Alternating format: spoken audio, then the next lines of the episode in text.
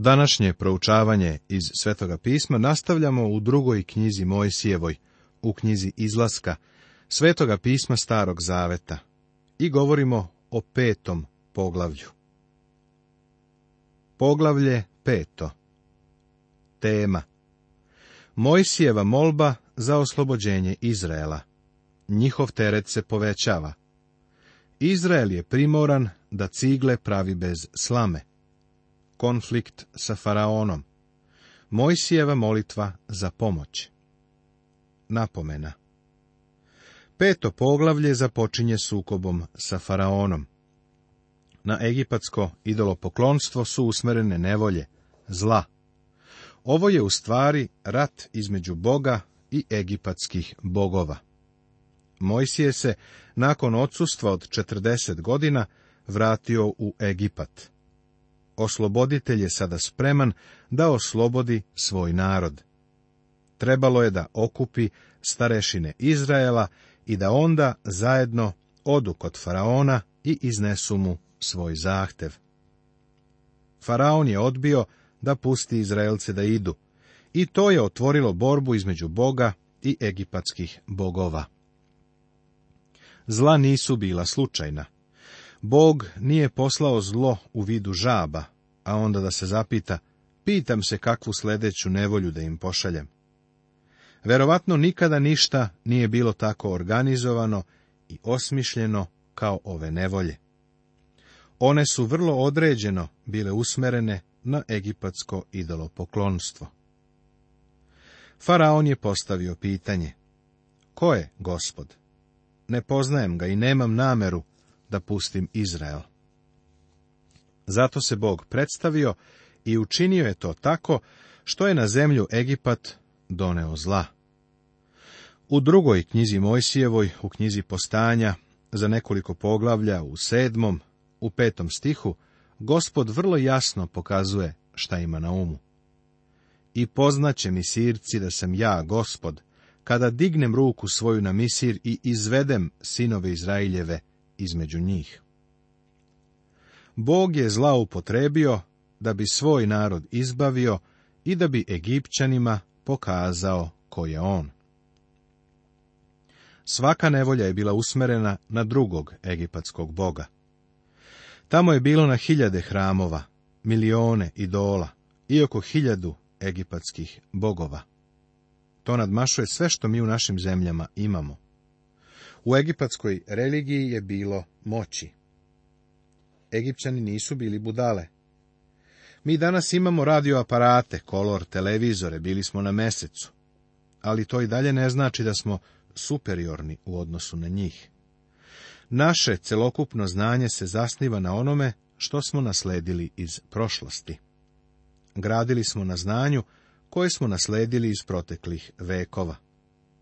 Apostol Pavle jasno govori da je u egipatskoj religiji bilo sile, kada u drugoj poslanici Timoteju u trećem poglavlju u osmom stihu Svetoga pisma Novog Zaveta kaže sledeće. Na isti način kako su se Janije i Jamvrije usprotivili Mojsiju, tako se i ovi protive istini, ljudi iz opačena uma, nepouzdani u veri. Sila koja je bila u egipatskoj religiji bila je sotonska, a Sotona je davao silu onima koji su se njemu klanjali proročanstvo u Delfima je dokaz za to. Bog je usmerio zla na egipatsko idolopoklonstvo, protiv faraona i protiv Sotone. Bio je to rat bogova. Druga knjiga Mojsijeva, 12. poglavlje, 12. stih Svetoga pisma Staroga Zaveta, to potvrđuje. Jer ću proći po zemlji Misirskoj tu noć, i pobiću sve prvence u zemlji Misirskoj, od čoveka do živinčeta, i sudiću svim bogovima misirskim, ja, gospod. Bog je obelodanio da su egipatski bogovi lažni, a Izraelu je otkrio svoju silu i sposobnosti da ih oslobodi. Ovi Izraelci bili su rođeni u ciglanama, usred idolopoklonstva, a Bog je hteo da im pokaže svoju nadmoć. Kratak pregled svake nevolje će u ovom momentu biti koristan, da bi se vidjelo da su te nevolje za njih imale smisla. Kada je Mojsije prvi put stao pred faraona, štap je pretvorio u zmiju. Egipatski mudraci su učinili to isto. Ovo nam otkriva da Sotona nedvosmisleno posjeduje silu. Nakon ovog demonstriranja nastupa deset zala prvo zlo. Voda se pretvara u krv. Ovo je opisano u drugoj knjizi Mojsijevoj u sedmom poglavlju od 19. do 25. stiha Svetoga pisma Starog Zaveta. Plodnost egipatske zemlje je zavisila od bujanja i plavljenja reke Nil, koja je donosila i plodnost i vodu. Zato je ova reka bila posvećena bogu Ozirisu, čije se svevideće oko može pronaći na mnogim egipatskim slikama. Paganski obredi održavali su se svakog proleća, kada je reka iz smrti donosila život. Kada se voda pretvorila u krv umjesto života, donela je smrt. Egipatski mudraci su također svojim vračbinama imitirali ovo zlo. Drugo zlo, zlo sa žabama. Ovo je opisano u drugoj knjizi Mojsijevoj, u knjizi Izlaska, u osmom poglavlju prvih petnaest stihova Svetoga pisma Starog Zaveta. Jedan od najlepših hramova u Memfisu bio je Heka hram, hram ružne boginje sa žabljom glavom. Ubiti svetu žabu bila je uvreda, ali kada bi pronašao žabu u svojoj kući, u krevetu, u hranu i po podu, kao što su ih Egipćani pronalazili, rado bi je ubio, ali one su bile svete. Egipatski mudraci su ponovili ovo zlo, što je ukazivalo na to da je njihov uspeh do ovog momenta bio postizan čarobnjačkim trikovima ili nekom sličnom magijskom veštinom. Treće zlo je zlo sa vaškama. I ovo je isto tako u osmom poglavlju druge knjige Mojsijeve, knjige izlaska, ali od 16. do 20. stiha.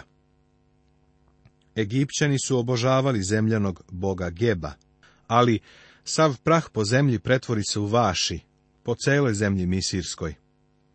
Ono što je za Geba bilo sveto, oni sada preziru. Faraon nije tražio da se ukloni ovo zlo, pa egipatski čarobnjaci nisu mogli da ponove ovu pošast. Oni kao da su priznali da je onaj koji je izazvao ovu nevolju bio nadmoćan u odnosu na egipatske bogove. Četvrto zlo, zlo sa bubama. Opet u osmom poglavlju druge knjige Mojsijeve, knjige izlaska, ali od 20. do 32. stiha. Neki smatraju da su rojevi buba ili muva u stvari bile gomile svetih tvrdokrilaca a Kepara je bio bog tvrdokrilac. A taj tvrdokrilac, neka vrsta insekta, nalazi se u egipatskim grobnicama i govori o večnom životu. Ovi tvrdokrilci bili su posvećeni bogu sunca, koji se zvao Ra. Peto zlo. Zlo sa pomorom, stočnom pošasti. Ovo zlo je opisano u prvih sedam stihova devetog poglavlja druge knjige Mojsijeve knjige izlaska u Svetom pismu Staroga Zaveta. Pomor je bio bolest koja je napadala stoku. Drugi po veličini hram ikada sagrađen u Egiptu bio je smešten u Memfisu, a bio je namenjen obožavanju Apisa, crnog bika. Mogli bismo reći da je ovo zlo primoralo Egipćane da obožavaju obolelu kravu. Šesto zlo. Zlo sa crnim boginjama. Isto tako u devetom poglavlju druge knjige Mojsijeve, ali od osmog do 17. stiha imamo ovaj opis. Sveštenici i egipatske religijske vođe morali su da budu bez mane, bez ikakvog belega ili nedostatka na telu, jer samo tako su mogli da služe u hramovima. Pa, u toku ovog perioda, stavili su moratorijum na obožavanje po hramovima u Egiptu, jer su po svim sveštenicima bile crne boginje i prišt. Niko od njih nigde nije mogao da služi. To je bio sud nad celom egipatskom religijom. Sedmo zlo je bilo zlo sa gradom. I ono je zapisano u drugoj knjizi Mojsijevoj, u devetom poglavlju, Svetoga pisma Starog Zaveta od 18. do 35. stiha. Bog svoju silu pokazuje u zlu sa gradom nad boginjom neba, koja je sada u sobstvenom domenu bespomoćna. Osmo zlo, zlo sa skakavcima. O ovom zlu je zapisano prvih dvadeset stihova u desetom poglavlju druge knjige Mojsijeve knjige izlaska. Sud kroz skakavce bio je usmeren protiv bogova insekata. Nevolja sa skakavcima je značila da je žetveni prinos proklet. Bio je to dokaz Božijeg suda, kako ga nalazimo u knjizi proroka Joila u Starom Zavetu i u knjizi Otkrivenju Jovanovom Svetoga pisma Novog Zaveta. Deveto zlo je bilo zlo sa tamom. To je zapisano u drugoj knjizi Mojsijevoj, u knjizi Izlaska, u desetom poglavlju od 21. do 29. stiha Svetoga pisma Starog Zaveta. Bog se pokrenuo tamom protiv vrhovnog boga koga su obožavali. Bio je to bog sunca, Ra. Sunčani krug je najpoznatiji simbol koji se nalazi u egipatskim ruševinama. Nevolja kroz tamu pokazuje krajnju nemoć, boga Ra. I deseto zlo bila je smrt prvorođenih, a govori se o tome u drugoj knjizi Mojsijevu 11. poglavlju i u 12. poglavlju prvih 36 stihova. Svetoga pisma Starog zaveta. Prema egipatskoj religiji prvorođeni su pripadali egipatskim bogovima. Drugim rečima, Bog je uzeo ono što je bilo odvojeno za egipatske bogove. Bog je tako učio Egipćane o tome ko je on. Ubeđivao je faraona da on jeste Bog. Također je svoj narod doveo do momenta kada su bili spremni da ga priznaju za svoga Boga. Bio je to konačni čin suda, koji će osloboditi Izraelce od egipatskog ropstva. Važno je da razumemo da su nevolje u Egiptu imale svrhu. Bog je izazvao egipatske bogove na borbu i pobedio ih je. Možeš zamisliti idolopoklonstvo koje je vladalo u Egiptu. Ipak, Bog je kroz Isaiju prorokovao da će doći vreme kada će iz Egipta nestati svaki idol. Tako je danas Egipat muslimanska zemlja koja uopšte ne dozvoljava idole. Nestali su svi idoli, baš kao što je Bog i rekao. Mojsijeva molba za oslobođenje Izraela U petom poglavlju počinje borba sa faraonom i bitka protiv egipatskih bogova. A posle izađe Mojsije i Aron pred faraona i rekoše mu, Ovako veli gospod Bog Izraeljev, pusti narod moj da mi praznuju praznik u pustinji. Prinošenje žrtve Bogu u pustinji bio je prvi korak ka slobodi Izraela. Mojsije i Aron nisu žurili kod faraona i rekli pusti moj narod, napuštamo Egipat i odlazimo u obećenu zemlju. Oni su jednostavno tražili da se Izraelu dozvoli da ode u pustinju gdje će se pokloniti Bogu pripremali su faraona i omekšavali ga za ono što će naknadno doći. Obrati sada pažnju na faraonovu reakciju. Ali faraon reče, Ko je gospod da poslušam glas njegovi, pustim Izrailja? Ne znam gospoda, niti ću pustiti Izrailja. Izraz pusti narod moj je vrlo slikovito i izražajno prikazan i vrlo popularan. Voleo bih kada bi i pitanje ko je gospod postalo tako poznato. Danas je to najbolje pitanje, jer prvo moraš da ga upoznaš, pre nego što dobiješ priliku za oslobođenje. Faraon je dao dve odlučne izjave. Prva, ne znam gospoda, i druga, nemam nameru da pustim Izrael. Za kratko vreme Faraon će se upoznati sa izraelskim bogom i pustit će Izrael. A oni rekoše, Bog jevrejski srete nas. Molimo ti se da otidemo tri dana hoda u pustinju, da prinesemo žrtvu gospodu Bogu svojemu, da ne pošalje na nas pomor ili mač. Bog želi da njega obožavamo. On će nam suditi, ako taj korak sada ne preduzmemo. A car Misirski reče im, Mojsije i Arone, zašto odvlačite narod od rada njegova? idite na svoj posao. Još reče Faraon, eto, naroda je mnogo u zemlji, a vi još hoćete da ostavlja svoj posao. Mojsije je sa narodom održao veliki skup. Narod je bio uznemiren i želeo je da ode iz Egipta. Faraon je uvideo problem koji je ovde prikazan i odgovorio je tako što ih je poslao da ponovo prave cigle. Upravo to je učinio i istovremeno samo povećao njihovu nevolju. Otežavanje izraelskog tereta I u isti dan zapovedi Faraon nastojnicima nad narodom i upraviteljima njegovim i reče Od sada nemojte davati narodu pleve za opeku kao ranije, neka idu sami i kupe sebi plevu. A koliko su opeka ranije načinjali, toliko izgonite i od sada, niti šta smanjujte, jer bez posliče, i zato viču govoreći da idemo da prinesemo žrtvu Bogu svojemu. Faraon je mislio da Izraelci traže odmor ili neki praznik.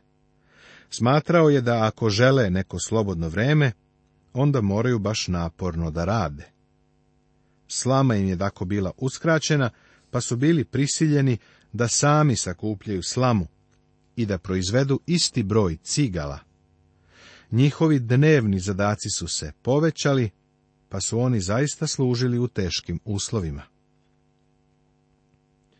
I otidoše upravitelji sinova Izraeljevih i povikaše k faraonu govoreći, zašto činiš tako slugama svojim? Pleva se ne daje slugama tvojim, pa opet kažu nam, gradite opeke. I evo biju sluge tvoje, a kriv je tvoj narod. A on reče, besposličite, besposličite i zato govorite da idemo da prinesemo žrtvu gospodu. Nego idite radite, pleva vam se neće davati, a opeke da dajete na broj, i upravitelji sinova Izraeljevih videše da je zlo po njih, što im se kaza, da ne bude opeka manje na dan. I otišavši od faraona sretoše Mojsija i Arona, koji iziđoše pred njih. Pa im rekoše, Gospod neka vas vidi i sudi, što nas omraziste faraonu i slugama njegovim, i dadoste im maču ruku da nas pobiju. Izraelovi potomci su za svoj teret okrivili Mojsija i Arona. Ovu dvojicu ljudi su okrivili da im otežavaju, umjesto da im pomažu, i da su na taj način faraonu davali izgovor da im život učini još nepodnošljivijim. Mojsijeva molitva I Mojsije se vrati ka gospodu i reče, gospode, Zašto si navukao to zlo na narod? Zašto si me poslao? Jer otkako izađoh pred faraona i progovorih u ime tvoje, još gore postupa sa narodom ovim, a ti ne izbavi naroda svojega. Mojsije je ovde nestrpljiv. On se žali Bogu. Prema tvojim savetima sam došao ovde da ih oslobodim, ali Umjesto da ih pusti, Faraon je samo otežao život Izraelcima. Mojsije nije uspeo da sagleda celokupnu sliku, ali Bog se kretao polako i strpljivo. Bio je to njegov način da sprovede svoj plan. U narednom šestom poglavlju Bog ohrabruje Mojsija i Izraelce i obnavlja svoje obećanje da će ih osloboditi. Bog ima još mnogo čemu da nauči Mojsija, Izraelce, Egipćane i Faraona. Poštovani slušaoci, ovim smo završili peto poglavlje druge knjige Mojsijeve, knjige izlaska, svetoga pisma Starog Zaveta. U našem narednom programu, sutra uveče, počinjemo sa poglavljem šestim, u kome ćemo obrađivati sljedeće teme – Jahve odgovara na Mojsijevu molitvu. Delimični rodoslov Izraela i obnavljanje Mojsijevog poslanstva.